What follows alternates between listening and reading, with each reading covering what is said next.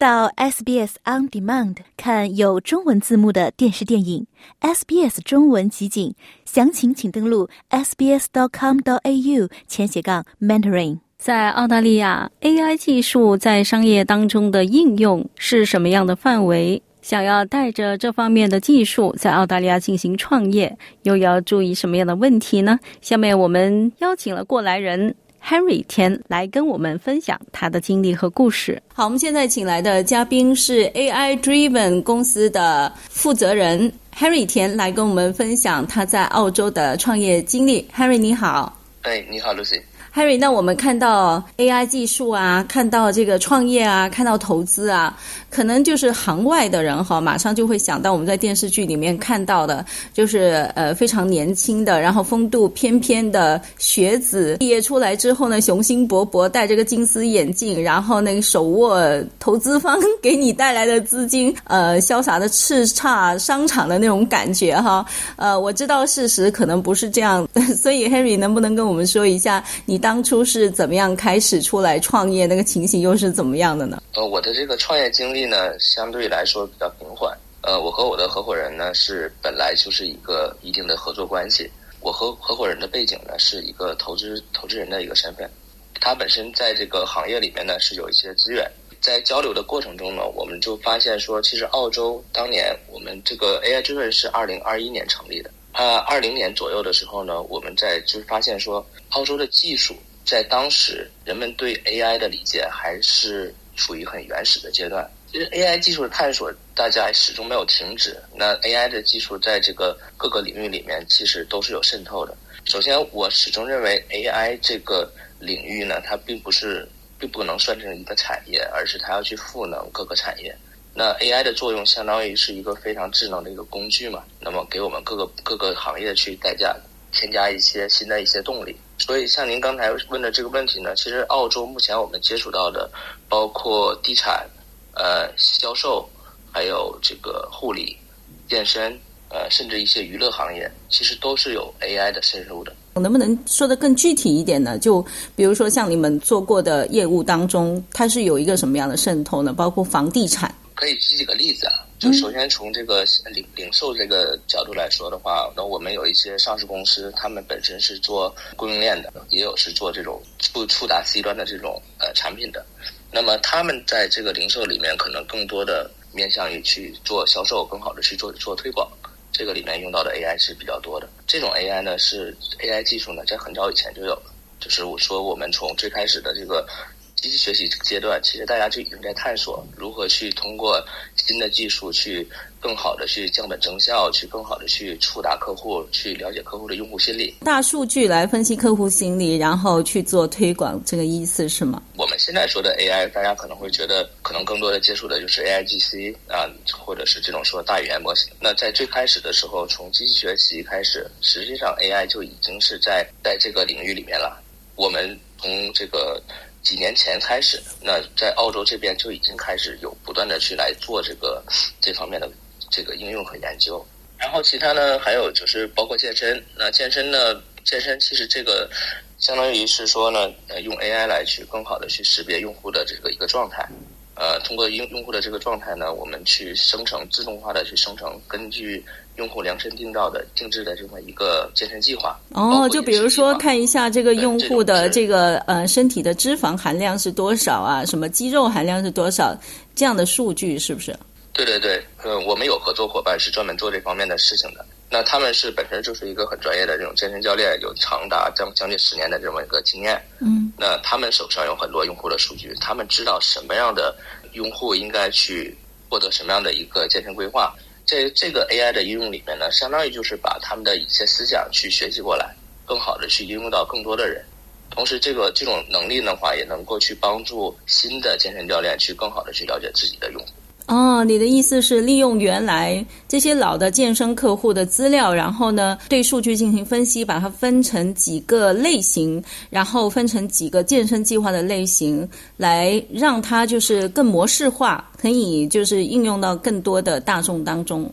对的，对的。像这种模式的话呢，就是因为 AI 的这种我们可以把它当做一个健身教练的助手。他在这个过程中呢，也同样的可以得到健身教练以及用户的反馈。嗯，那这种学习呢，是一个不断增长式的。那房地产呢？房地产这个地方呢，是也是一个很有意思的一个领域啊。因为房地产这个数据，我们在澳洲经常说的是会说我们要买房地产来做一些投资。在这个领域里面呢，我们可能更关注的是一个是更好的去帮助用户去收集，并且展现、挖掘他们的需求。嗯，然后呢，去更好的去帮助客户去做评估，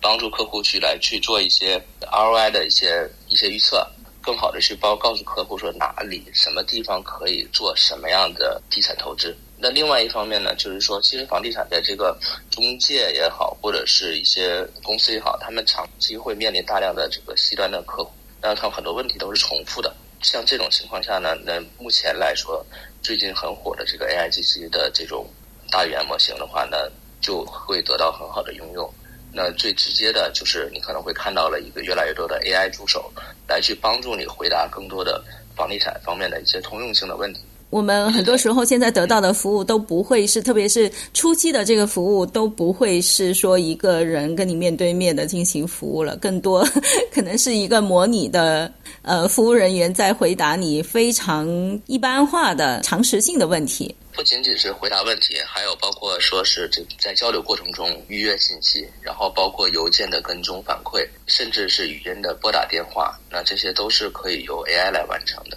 现现在这些应用，其实，在一些呃像这种通用的这种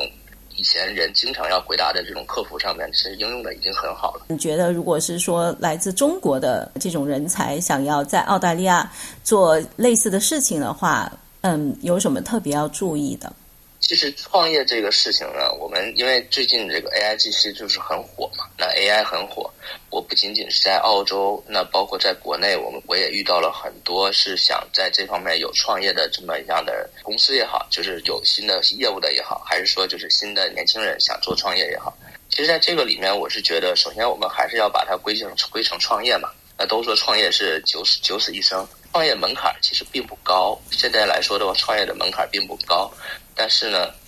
其实竞争还是很激烈的。你的想法到你最终的一个产品的实现，中间的过程可能要经历非常多的事情。就我们自己也经历过很多，遇到过很多，就是来找我们的一些初创公司，他们有很好的想法，然后呢，但是在整个实现的过程中呢，我可能会走偏，或者是找不到一个很好的一个实现路径。那这些都是我们经常会遇到的，特别是在很很多。中国的学生过来，大家都是踌躇满志啊，就是充满抱负的，想说来在这个 AI 这个浪潮里面能够去得到一些自己价值上的一个提升。在这个里面，我们经常会看到的就是说，首先我可能有一个观点啊，就是说，我觉得一个好的想法呢，它是一个好的想法，但是它可能并不一定是直接产生价值的。包括我们自己选合作伙伴也好，或者是选择一个好的一个这个。技术去入行业或者公司也好，其实我们很看合伙人的。那很多人是过来跟我们来聊的时候呢，会说他有一个很好的想法，但是，呃，我们不能够凭一个想法去来说，哎，我要去创业。这个东西可能后边要有很多自己的一个审视，包括自己的行动力，包括自己的团队，包括整个后续的这个市场。很多人在说创业的时候呢，可能就是只是说想到了一个想法。在我们来看呢，可能就是个伪需求，或者说你的市场并没有一个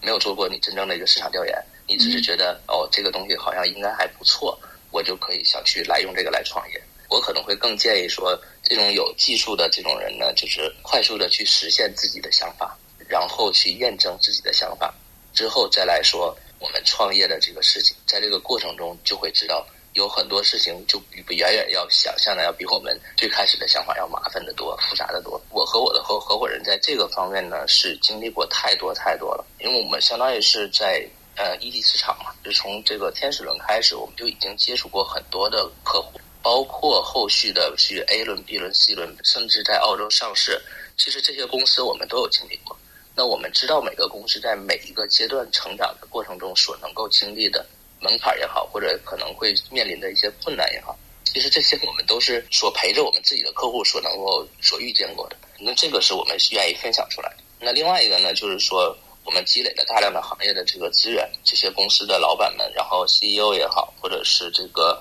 负责人也好，那。那他们其实是跟我们是一个。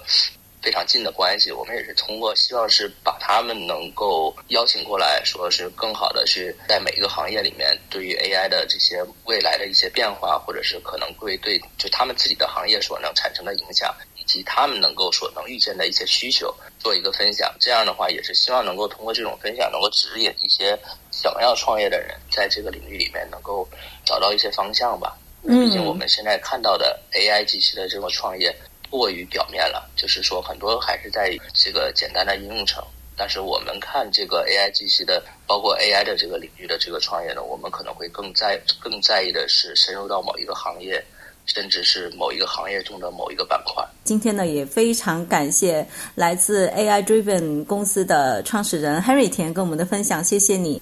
感谢 Lucy。